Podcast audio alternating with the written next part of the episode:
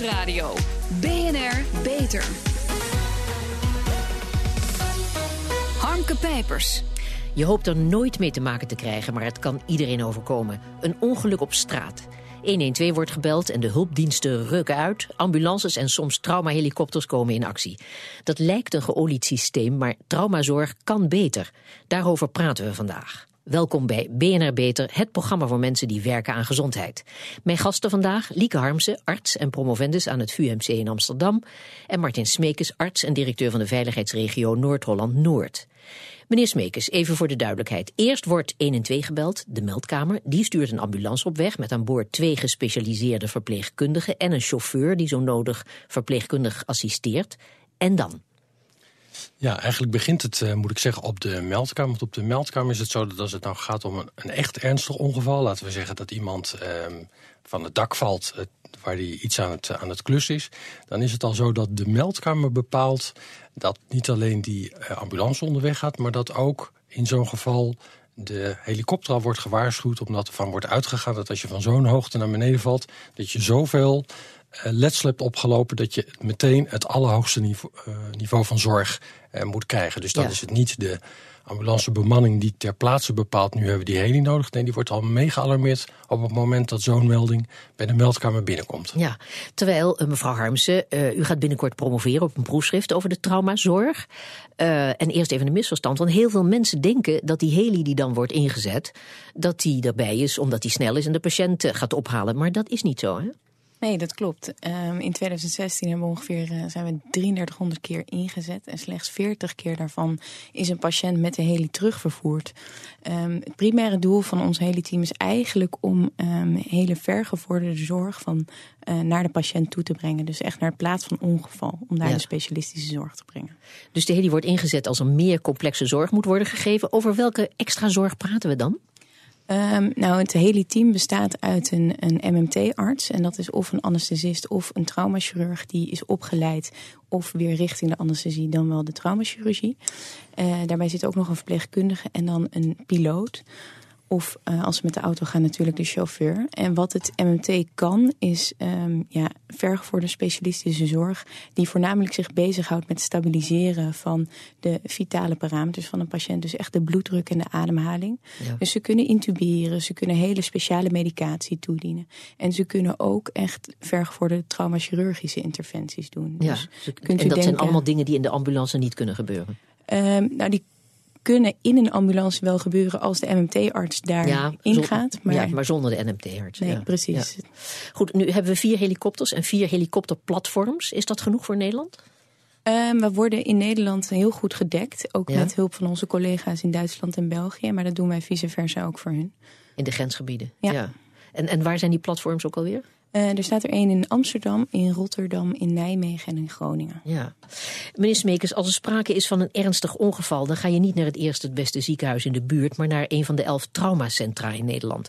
Van level 1, 2 of 3. Uh, hoe is dat geregeld? Wanneer ga je waar naartoe? Uh, die levelindeling die geeft iets aan over de... Uh, de uitgebreidheid van de voorzieningen in zo'n ziekenhuis. Als je naar een level 3 ziekenhuis gaat, daar kunnen ze, als je je enkel hebt gebroken of je heup hebt gebroken, kunnen ze je daar gewoon goed helpen. Mm -hmm. Maar zijn er meer uh, orgaansystemen aangedaan, is ook je bloeddruk in elkaar uh, gezakt, om maar een voorbeeld te geven, dan moet je naar een level 2 ziekenhuis. En als je nou echt heel ernstige verwondingen hebt van meerdere orgaansystemen, dan ga je naar een level 1 traumacentrum en daar heb je 24 uur per dag, 7 dagen per week. Eigenlijk alle specialismen die je maar enigszins nodig zou kunnen hebben, heb je daar uh, direct beschikbaar. Ja.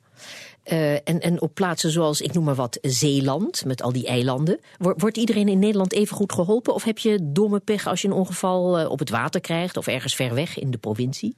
Het is zeker zo dat die, dat die, die tijdsfactor een rol speelt. Hè. De, de Lieke gaf net aan dat um, ook als je op, in, in de regio ik vandaan kom, Noord-Holland-Noord, als je op Texel zit, dan ben je niet 1, 2, 3, ben je weer terug in, in Amsterdam in het traumacentrum of in, in Alkmaar. Uh, maar de, de uh, heli die vliegt er gewoon wel uh, naartoe. Dus, dus het uiterste puntje van onze regio is Texel. De uh, traumaheli staat op de VU. Ja. Wind mee is er in 20 minuten, wind tegen. Harde wind tegen is er in 30 minuten. Dus binnen ja, 30 ja. minuten, ook als je helemaal aan de randen van ons gebied woont, is die uh, is dat MMT, die, die heli, die is ter plaatse. Dus dan heb je natuurlijk nog wel de afstand te overbruggen naar het ziekenhuis toe. Mm -hmm. wat uh, zeg maar, uh, zijn effecten kan hebben. Maar de, maar de inzet en de gespecialiseerde inzet, zoals, zoals uh, Lieke Harmsen net uitlegde, die krijg je daar gewoon ter plaatse waar je ook bent in het land. Met die vier heli's die we in het land hebben, wordt eigenlijk het hele land wat dat betreft afgedekt. Ja, maar mevrouw Harms, u heeft onderzoek gedaan om die inzet toch nog te verbeteren. Want er moeten allerlei beslissingen worden genomen. Het is vaak een kwestie van leven en dood. En daar heeft u voorstellen voor gedaan. Vertel, wat moet er beter? Ik denk dat wat we vanuit het onderzoek kunnen concluderen is dat we um, er zitten twee punten in de tijdslijn waarop we patiënten inschatten in welke zorg ze nodig hebben. Wat Marten net al vertelde, dat gebeurt uh, in de meldkamer. Hè? Welke type zorg zetten we aanvankelijk in? Ja. Hierbij hanteren we een heel laag um, uh, laag threshold om het MMT in te zetten. Omdat we inderdaad de ondertriage... Uh, Hele lage drempel. Ja, precies. Ja. We willen een lage drempel hanteren om die mensen die de zorg van het MMT nodig hebben... wel um, ook de tijdswinst te geven van de vroege inzet. Ja. Um, dus het tweede punt in triage op het moment dat de ambulanceverpleegkundige ter plaatse is... en daar ook een gedegen inschatting kan maken van de situatie van de patiënt... dat is een punt in tijd waarop wij, waar wij naar hebben gekeken en waarin we nu een model hebben ontwikkeld. Dat als de ambulanceverpleegkundige samen met de MMT-arts dat model doorloopt, ja. uh, de triage gewoon beter werkt. En we zien ook echt een reductie in de mortaliteit als we dat model hanteren. Ja, ja. Uh, dus dat is één. En verder um, hebben we ook heel erg gekeken naar ja, Um, hoe kunnen we meer systematisch gaan communiceren? Want we zien gewoon heel veel hiaten in de communicatie mm -hmm. tussen de meldkamer, de ambu en het helikopterteam. Ja. Gebeurt ook in hele moeizame omstandigheden hoor. Dus het is ook allemaal lastig, hectisch. En het is een heel eenzijdig communicatiekanaal. Hè. Het is niet, ja. Je staat niet met elkaar uh, te praten heen en weer. Dus dat is allemaal lastig. Maar wij hebben een model ontwikkeld die eigenlijk wordt gedragen door zowel ambulance-medewerkers als meldkamerspecialisten vanuit heel Nederland. Want die hebben we allemaal gevraagd om mee te doen. Ja. En het model geeft ons een handvat over welke parameters we eigenlijk minimaal zouden moeten overdragen. om die persoon aan de andere kant van de lijn een gedegen inschatting te kunnen laten geven van de situatie. Ja, want dat is natuurlijk heel lastig. En aan de andere kant gaat iedereen vanuit dat een ervaren ambulancebroeder natuurlijk ook tot het nodige in staat is. Maar toch valt er het nodige te verbeteren? Want het gaat vooral om zeg maar een uniforme manier van communiceren. Exact, exact. Uh, we hebben onderzocht dat um, op een moment uh, ongeveer 15% van alle overdrachten die er mm. plaatsvindt in de, dus de prehospitale setting, dat die maar compleet zijn. Ja. Um, en daarmee kan je gewoon niet van gewissen dat, dat uh, de persoon aan de andere kant van de lijn die jou moet helpen met het leveren van zorg, ook goed weet in welke situatie jij je bevindt. Ja. En um, de heli is er als aanvullende informatie of als aanvullende zorg. Mm -hmm. um, maar de dokter die op de heli zit, moet wel uh, de situatie op de, ter plaatse snappen en wil die kunnen weten of hij wel of niet nodig is. Ja. Maar goed, dat is natuurlijk een punt van aandacht. Want uh, ik heb daar in recent verleden ook wel artikelen over gelezen. En koppen van, uh, ja, die inzet is vaak gewoon uh, overbodig. En er vliegen, ik weet niet hoe vaak, die heli's. Trouwens, hoeveel vluchten en hoeveel inzetten per jaar? Dat, dat waren al heel indrukwekkende getallen. Hoe, hoe ja, was het we hebben voor het jaar 2016 hebben we ongeveer 3300 keer is hij ingezet. En dan ja. bedoel ik echt alleen maar SEC de inzet. Ja. En als ik het goed zeg, is 55% daarvan een cancel geweest en 45% echt een doorzet. Oh, dat valt erg mee. Want ik had, had verstaan die procent niet. Dus 55 van de 3300, dat leek me toch echt een heel bar getal. maar er is geen sprake van. Maar goed, 55 procent. Maar ja, het is, uh, u, u zult dus, uh, men zal dus uh, in deze situatie, waarin natuurlijk uh, uh, veel stress is, toch veel beter een gedegen besluit kunnen nemen of die heli door moet. Of dat die, zoals dat dan in het vak heet, afgeschaald kan worden. Hè? Exact, ja. ja. Klopt. Maar door die communicatie te verbeteren kan, kan eerder dus besloten worden of die heli moet doorvliegen of, door, uh, of, of omdraaien. Maar de kans dat de inzet van de heli voor niets is, die moet je voor lief nemen. Omdat wanneer er wel sprake is van een noodzakelijke inzet, er vooral geen tijd verloren mag gaan. Je kunt je niet permitteren om de beslissing af te wachten. Maar je kunt hem dus wel bespoedigen met uw methode. Exact. Ja. En, en hoeveel gaan we hiermee winnen, denkt u? Nou, ik, we zagen als we de cohorten vergeleken in het cancelonderzoek zagen we een reductie van de mortaliteit van 9 naar 6 procent. Ja. Dat is al, dat is al een winst die ja. we in dit cohort bieden. Meneer Smekers, daar wordt u blij van? Ik vind, het is een, een ongelooflijk uh, belangrijke proefschrift... wat echt gaat over het deel uh, van de zorg die voor het ziekenhuis ligt. En um, traumazorg is echt ketenzorg. Dus mm -hmm. je kunt het in het ziekenhuis nog zo goed doen... maar als je het daarvoor niet optimaal geregeld hebt... dan, dan, dan slof je er daarna achteraan. Dus ja. ik vind, hè, dus dit, dit lijkt eenvoudig... maar door daar gewoon zo goed bij stil te staan en te constateren dat die cancelcriteria, die, waren, die zijn toch een beetje rammelig geformuleerd. Die geven heel veel ruimte om een eigen mm -hmm. interpretatie te geven. En wat Lieke heeft gedaan is daar gewoon een, een hele duidelijke set van vragen die langsgelopen moeten worden. En dan kom je uit bij ja cancelen of nee cancelen. En mm. als je die volgt, dan doe je het gewoon heel goed. Dus dan stuur je niet te vaak terug, maar je zet hem ook niet noodloos vaak door. Nou, en dat is een, dat is een enorme winst. Dus, dus in, onze, in ons gebied van Noordwest-Nederland is dat nu gewoon. Ja. Maar dit moet echt zo snel mogelijk voor heel Nederland gaan gelden. Want als het voor ons geldt en die resultaten oplevert... dan kun je dat met vier vermenigvuldigen als je dat in het hele land doet. Dus het is een ongelooflijk, een ongelooflijk effect. Ja, en is de bereidheid er? Ja, de promotie moet nog plaatsvinden. Dus ik weet niet of iedereen al op de hoogte is... van het nou, feit dat er verbetering te behalen valt. Maar... We, we, hebben ook meegedaan in het onderzoek van, van Lieke. Dus ik was er zelf ook bij toen mm -hmm. onze ambulance mensen ging uitleggen. En die zijn natuurlijk altijd, ja, ja, komt weer zo'n mevrouw en die gaat ons zeggen. Maar goed, dus... dus uh, Want er komt een, een, een lijstje in de ambulance ja, dan, dan moeten ze een lijstje. Ze, waren, ze ja. mochten daarvoor dan altijd zelf gewoon zeggen, nou is dit patiënt, gaat hij met een uur achteruit? Nou, ik denk dat dat wel meevalt. Het is een beetje een vaag lijstje. En dit ja. is gewoon een heel concreet lijstje, maar moet je wel doorheen. En uh, nou ja, wat we hebben gezien, of wat zij heeft aangetoond, is dat dat zo'n enorm effect heeft als je dat lijstje volgt dan cancel je terecht. En als je niet cancelt, moet hij ook echt doorgaan. Dit is een veel uitgebreider lijstje dan die, dat vage lijstje wat er tot nu toe was. Ja, maar dat het zo'n vaag lijstje is, dat, uh, of zoals nou ja, u zegt, die cancelcriteria zo rammelen. Nou dat ja, verbaast mij dan wel. Nou ja, Waarom het, is dit niet eerder gebeurd? Nou, het is eigenlijk een relatief nieuw type zorg. Ja, hè? Ja. Het is vanaf 2013. En als je zegt, wat, waren de, wat zijn nou de oude cancelcriteria? Dan zeg je, nou ja, als dan toch uh, uh, uh, er geen verslechtering te verwachten is binnen het uur. Als het slachtoffer is overleden, kan je cancelen. Nou, dat, dat blijft al zo. Als er valse melding is, nou, dan mag het ook. Als je zegt, ja, maar we hebben al besloten om snel met die patiënt onderweg te gaan, want hij was zo slecht. En als de, de traumascore en de neurologische score, als die goed zijn, dan, uh, uh, nou ja, dan uh, kunnen we cancelen. Maar dat is vrij ehm, vaag. En het lijstje van, van Lieke gaat over bloeddrukken en pupillen en dus heel concreet. Oké, okay, een hele geruststelling. Had de dood van Lady Di inmiddels 20 jaar geleden met de traumazorg van nu voorkomen kunnen worden? Daar hoort u meer over na de reclame. BNR Nieuwsradio. BNR Beter. Lady Di kwam 20 jaar geleden om bij een auto-ongeluk waarbij het meer dan twee uur duurde voordat ze in een traumacentrum werd opgenomen. Daarover praat ik straks verder met mijn gasten. Lieke Harmsen, arts en promovendus aan het VUMC in Amsterdam. Martin Smekes, arts en directeur van de veiligheidsregio Noord-Holland-Noord. Maar ik wil het eerst nog hebben over iets anders. Er valt veel te bespreken. Meneer Smekes, er spelen heel veel belangen in de traumazorg, maar uh, waar u iedereen voor op één lijn krijgt, dat is dan de tijdwinst die er in het hele proces te behalen valt. En dan vraag ik me af, waar hebben we het precies over? Welke processen tussen het bellen van de ambulance en de daadwerkelijke behandeling van de patiënt zijn voor verbetering vatbaar?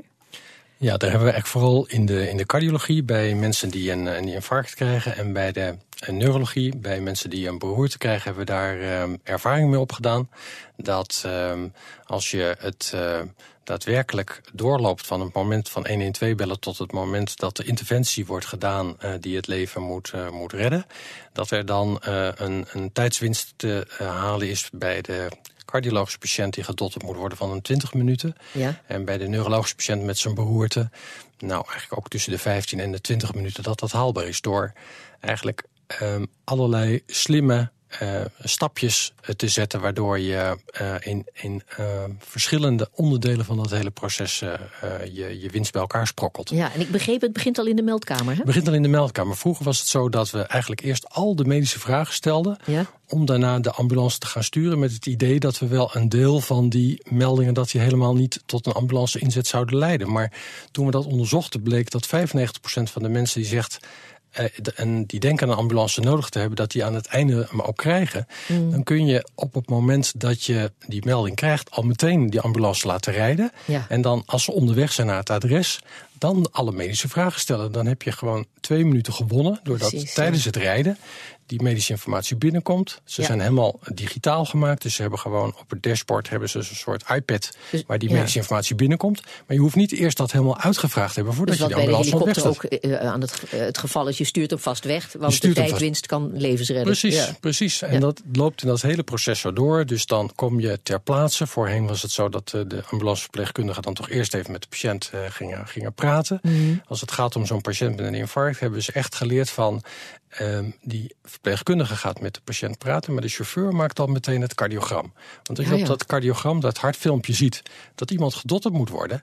Ja, dat, als je dat vijf minuten eerder merkt, dan ga je dan eigenlijk ook al direct de acties inzetten om te zorgen dat je in dat ziekenhuis komt en dat ze daar klaarstaan. Dus Ja. het cardiogram wordt vro- vroeg gemaakt en daardoor zijn we vroeger onderweg met de patiënt. Ja. Vroeger gingen we met zo'n patiënt naar de spoedeisende hulp. Nou, iedereen weet dat als je eh, eh, wel als je op de spoedeisende hulp bent in het weekend, dat je dan lang moet wachten. Dus we gaan tegenwoordig gaan we niet meer naar de spoedeisende hulp, maar we gaan rechtstreeks naar die behandelkamer Ja, waar ja. die dotteringreep moet plaatsvinden. Ja. Zodat je die, dat tijdsverlies van die schakels in de keten in dat ziekenhuis, dat je die eigenlijk ook eh, overslaat. En tot slot is het nu zo dat we gewoon de laatste zeg maar half minuut tot een minuut winnen door eh, alvast eh, zeg maar de dingen te doen zodat de, de, de cardioloog die de interventie moet doen zijn handen kan wassen, dat wij de patiënt uitkleden, zodat je eigenlijk helemaal bent ingetuned op elkaar. Ja, maar ik begreep ook dat de timing van alle vertraging die er dus nog in zit, Ja. die heeft u heel duidelijk gemaakt door eh, met de, de, de patiënt krijgt een, een bandje en alles werd getimed, hè? Alles, wordt alles wordt getimed. Aan de Ja. ambulancezorg is het al sowieso zo dat iedere, hè, dus het aankomen, het weer wegrijden, dat is allemaal eh, Dus dat zit op een atoomklok en die zitten er al Dus in. overal een bliepje van zo Overal laat was een bliepje, daar. en zo laat was ja, je daar, zo oké. laat was je daar. En eh, zoals het nu is, is het in de meeste ziekenhuizen zo dat we eh, dat dan zeg maar ook gewoon met tijdstempels in het ziekenhuis wordt bijgehouden eh, wanneer welke interventies worden gedaan. Ja. En de nieuwste ontwikkeling daarin is dat je eigenlijk die patiënt op de ambulance een bandje omgeeft. Ja. En dan hoef je ook niemand meer ernaast te zitten die staat, staan, gaat staan klokken. Want op het moment dat hij door het poortje van de spoedeisende hulp naar binnen komt, dan bliept hij. En dan gaat hij door naar de röntgen en dan bliept hij. En dan krijg je gewoon aan het einde krijg je een keurige rij getallen. Ja. Nou, en die zetten we in zo'n zo'n dashboard, zo'n klik-dashboard. En dan kun je precies zien van het moment dat 112 gebeld is tot het moment dat de interventie heeft plaatsgevonden, hoe laat nou die verschillende stappen werden genomen. Ja. En dan zie je dus ook heel goed, als je dat op een groepsniveau brengt, van goh, waarom duurt het eigenlijk bij ons altijd zo lang voor, nou, al de dingen die we net noemden. Ja. Waarom duurt dat zo lang? Kunnen we dat niet versnellen? Ja, ook dus al eh, in, eh, in de ambulance, hè, daar zijn we weer. Eh, Ja. Dus de stolselbetaling, be, de stolselbepaling, ja. Ja. dat is het toch wel. Dat is een vertragende factor, dus dat gebeurt nu ook in de ambulance, hè? Ja, dat is, dat is, dat is heel nieuw. Dat gaat met ingang van morgen, kunnen we zeggen, is dat operationeel. Ja. Voor de patiënt met een, een beroerte ehm, is het zo dat ehm, eh, nou, als er dan zo'n halfzijdige uitval is, dan moeten er in het ziekenhuis, zoals het nu is, twee dingen worden gedaan voordat zo'n sterk, sterk op, eh, stolseloplossend middel wordt gegeven. Er moet een, eh, een scan worden gemaakt. Ja. En Terwijl moet- je bij een aneurysma bijvoorbeeld een, een, een, een barstende ader, moet je dat dus juist niet geven. Nee, nee precies. En, en je moet, die, Dus heel belangrijk. je moet kijken of dat bloed niet al heel dun gemaakt is. Want dan kan je niet dat stof. Nou, dat is een vertragende factor in het ziekenhuis, omdat die laborant vaak niet op de spoedeisende hulp is. Dus die moet er naartoe komen. Dus we hebben met de neurologen afgesproken, want we doen dit bij die beroertezorg, dat wij al op de ambulance die bloedstolselmeting doen. Zodat. Als we met de patiënt aankomen, dat we dat al weten. En dat we dus daar dan niet de vertraging oplopen in het ziekenhuis. Omdat we het gewoon in een ander deel van het proces hebben geplaatst. Nou, dat is, dat is wel. Dan ga je echt over de keten heen kijken. Wie kan nou het beste de dingen doen? Eh, gewoon in het belang van, van het maken van snelheid. En Ja. dat, is, eh, dat is heel mooi. Dus de zorg verplaatst zich. Zijn alle partijen daartoe bereid? Want ja, ziekenhuizen, het is tegenwoordig een strijd om het bestaan, nietwaar? Ja, nou, de, de, de, ik vind eh, eh, de, deze manier van werken, waarbij, want dat, dat is inderdaad een kwestie van gedeelde verantwoordelijkheid. Hè, dus dan de, degene die daar iets over mag zeggen, dat is de laborant en de neuroloog en de SRH-arts en de, de, de neurologieverpleegkundige en de ambulanceverpleegkundige met z'n allen aan zo'n grote tafel. En je moet allemaal de bereidheid hebben Ja. om te zeggen, jij mag ook iets zeggen over mijn stuk van het proces. En niet zoals vroeger, ik ben een oude dokter. Vroeger was het zo dat de dokter was de baas. En de Ja. oudste dokter was de allergrootste baas. En dan kon je nog gelijk hebben, maar je kreeg het gewoon niet. Nou, dat is tegenwoordig niet meer zo gelukkig. Dus je dan iedereen en zegt, het is onze gezamenlijke verantwoordelijkheid dat we dit goed doen. En waar kan dan dit stukje Ja. van de zorg het beste worden gedaan? En nou, daar wordt iedereen gelukkig van. Want Ja, want, als je doet. ik citeer u nu even, als je doet wat je altijd deed, krijg je wat je altijd kreeg. Ik dacht, u vult mij aan, maar dat doet u niet. nou, goed. Zeg, het elektronisch patiëntendossier, de beschikbaarheid van gegevens in de ambulance, dat is tot op heden niet geregeld, hè? Nou, er zijn, er zijn, ehm, ehm, we hebben zeker een elektronisch patiëntendossier, maar de, de grote moeilijkheid zit hem altijd bij het schakelen naar anderen die ook de medische gegevens bewaren. Dus de, het ziekenhuis heeft natuurlijk eh, de gegevens in een dossier, de huisarts heeft gegevens in een dossier. Ja, die patiënt die is niet meer in staat om zijn toestemming te geven. Nee, nou, en dat is inderdaad altijd lastig, want zeker als je dit soort dingen doet met van die dashboards en zo, dan maak je gebruik van elkaars gegevens. En als je daar heel strikt naar kijkt, dan zou je dat dus altijd aan die patiënt moeten vragen. Ja. Maar dan verbeteren we nooit meer nooit wat. Nee, want dan precies. zie je het gewoon Moeten we daar dan gewoon niet vanaf? Want als je niet meer zelf uh, uh, kunt beslissen over je EPD, moet het dan niet zo zijn? Want jaren geleden was er al sprake van een appje wat in de ontwikkeling was. En wat dan zodra je over de drempel van de hulpverlening kwam, dan werd duidelijk waar dat EPD te vinden was. Het is er nog niet, dat appje. Nee. Zou er zoiets moeten komen? Nou, ik, ik denk dat we dicht staan voor het moment waarop gezegd wordt van, ja, weet je, privacy is een superbelangrijk iets. Vind, ik, ook, vind ik ook echt wel. Maar het houdt ook een aantal belangrijke dingen uh, uh, tegen. Om een ander voorbeeld te noemen. Als je in Engeland uh, met je mobiel 112 belt... dan ziet de centralist daar in de meldkamer waar jij bent.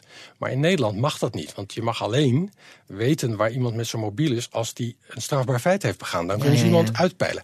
Maar dat is alleen, zit je in je auto... Maar privacy je, kan je wat schelen als je, als ja, dan wil je gewoon geholpen worden. Maar ja, leven dood. Ja, Dus het is een moeilijke afweging soms. Maar nou, wij, wij, ik zit wel aan de kant van laten we het ietsje makkelijker maken om met elkaar die gegevens goed te kunnen delen. Want dat is in het belang van die patiënt. Ja.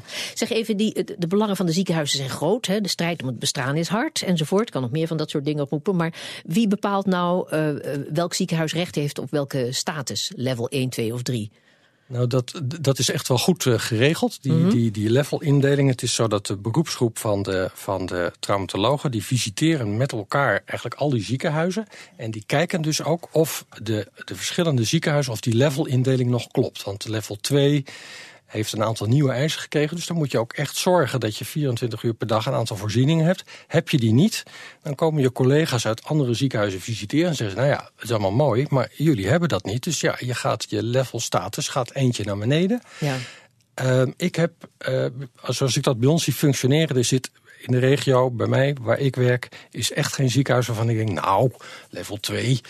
Uh, dat moet een level 3 zijn. Dat, ja, ja. Dat, dat is echt niet zo. Want onze ambulanceverpleegkundigen die komen vaak ook uit die ziekenhuizen. Nou, die weten dat onmiddellijk dat als het niet op orde zou zijn. Ja. Zeg, we moeten naar Lady Di. Uh, die hadden we al genoemd. In het Nederlands tijdschrift voor geneeskunde is onder de kop... Was de dood van Lady Di te voorkomen geweest... een artikel gepubliceerd over de traumazorg 20 jaar geleden. Ze overleed in 1997. In vergelijking met de traumazorg van nu. En de voorzichtige conclusie in dat artikel is... dat het niet onwaarschijnlijk is dat ze het ongeval met de huidige traumazorg zou hebben overleefd. Nou, meneer Smekers, u heeft natuurlijk dit artikel gelezen. Waar zitten de grote verbeteringen nog even? De grote verbeteringen zitten erin dat eigenlijk uh, al veel vroeger geanticipeerd wordt op de, de verslechtering die er daarna kan ontstaan. Dus dus um, um, wat je ziet, wat daar twintig jaar geleden is gebeurd, hebben ze hun, heus hun stinkende best gedaan. Er was zelfs geloof ik nog een arts ter plaatse toen, toen dat gebeurde. Maar dan zie je gewoon een cascade van steeds na elkaar opnieuw gaan denken wat je dan het beste kan doen. En dan is het uiteindelijk zo dat ze ja, na drieënhalf uur over, overlijdt. Um, daar waar, als je het zeg maar, op de moderne, snelle manier zou doen zoals we het nu doen, dat je zou zeggen, nou na anderhalf uur heb je de operatie achter de rug en met twee uur ben je op de IC. Dus het is echt die hele, want dat deden wij twintig jaar geleden ook niet hoor. Toen hadden we de traumaheli nog niet. Nee. En toen was het ook niet zo dat je al meteen, dat ze zeiden van nou, nou heb je meteen de zwaarste vorm van zorg nodig. Alleen al aan de hand van het feit dat je van zoveel meter naar beneden was. Dan ja. gingen we eerst de huisarts, toen was ik zelf huisarts in Opper. Ja, ja. En dan stuurden we eerst de huisarts en die gingen kijken. Nou, dit is inderdaad toch, dit is verkeerd. En die belde dan de ambulance, dan kwam die ambulance. Ja. En zei, oh, dit is wel ja, Mevrouw Harms, hoe kijkt u hier tegenaan tot slot? Ik denk zeker dat uh, als het op dit moment zou plaatsvinden, dat we veel betere hulp uh, zouden kunnen bieden. Eén, omdat, uh, ja, wat Martin ook al zegt, het is een ketenzorg. Ja. En de keten functioneert gewoon veel beter. Daar waar ze eerder een inschatting kunnen maken welk type zorg nodig is. Uh, maar we ook buiten het ziekenhuis bijna ziekenhuiskwaliteitszorg kunnen leveren. Ja, oké. Okay, hartelijk dank Lieke Harmsen en Martin Smekes. En van digitalisering van de traumazorg over naar robotica in de zorg. Want al klinkt het nog als toekomstmuziek. Zorgrobots worden steeds vaker ingezet. Maar worden ze ook steeds slimmer? BNR-verslaggever Martijn de Rijk ging in gesprek met studiogast van vorige week Pieter Jonker, hoogleraar robotica aan de TU Delft. Hij wil weten of zelfdenkende zorgrobots de toekomst worden. You are Chappie. I am Chappie. A machine that can think and feel. You're the only one who can save us. Zorgrobots worden zelfdenkende machines, net als in de science fiction films. Ik denk dat de fabel is, kijk, alle instrumenten die mensen maken zijn, zijn verregaande vorm van extensies van ons eigen lichaam, extensies van ons eigen brein. De systemen worden steeds autonomer, maar binnen een bepaalde opdracht die ze hebben. Zorgrobots ook. Maar die aansturing is op een bepaald niveau, hoog niveau, laag niveau. Je kan je opdracht op steeds hoger niveau geven. My father tried to teach me human emotions. They are difficult. You mean you're a designer? Yes. Als je naar die films kijkt waar we het over hebben, dan, Ja? dan zijn ze bijna eh, nou ja, nog emotioneler Ja, dan wij ja. mensen zijn, hè? Ja, ja, ja, nou ja, het is wel zo dat, zeg maar, dat je, als je robots wil hebben die goed met mensen wil samenwerken, dan moeten ze ook een beetje op mensen lijken. En dat wat er nu gebeurt, hè, dus met dat deep learning. Dus we maken nu robots die kunnen leren, dus dat is cognitief leren. En vaardigheden aanleren, dat is met eh, reinforcement learning, dus we leren door belonen en straffen. Dus, maar dan, dan, dan leren ze dus ook zelf standaard beslissingen te nemen, maar binnen hun taak. Ja, dat kan natuurlijk steeds verder gaan, dat ze gewoon steeds verder ehm, zeg maar, leren wat ze moeten doen. Maar robots kunnen zich niet eh, voortplanten, hebben ook, ook nog geen gevoel. Hoewel met dat belonen en straffen, ehm, daar zou je kunnen zeggen, eh, daar komt wel eh, een soort gevoel kijken. Hoe straf je een robotje en hoe beloon je het? Nou ja, dat, dat zijn met positieve negen punten, negatieve punten. Dat is met eh, kaart of flipperen of weet ik wat. Dus als je een beslissing moet nemen en je verdient ergens 10 punten mee, je verdient ergens 8 punten dan neem je die van 10 punten. De science fiction blijft nog eventjes eh, science fiction. Ze heel emotioneel zijn en eh, dat, die, dat wie ben ik eigenlijk en waarom moet ik dood en waarom ga ik dood en dat soort dingen, dat duurt nog heel lang. Tot zover deze uitzending van BNR Beter. Op bnr.nl slash beter is deze uitzending terug te luisteren. We zijn ook op Twitter te vinden onder BNR Lifestyle. Dus heeft u tips voor ons, laat het ons vooral weten. Ik ben Harmke Pijpers. Tot een volgend spreekuur.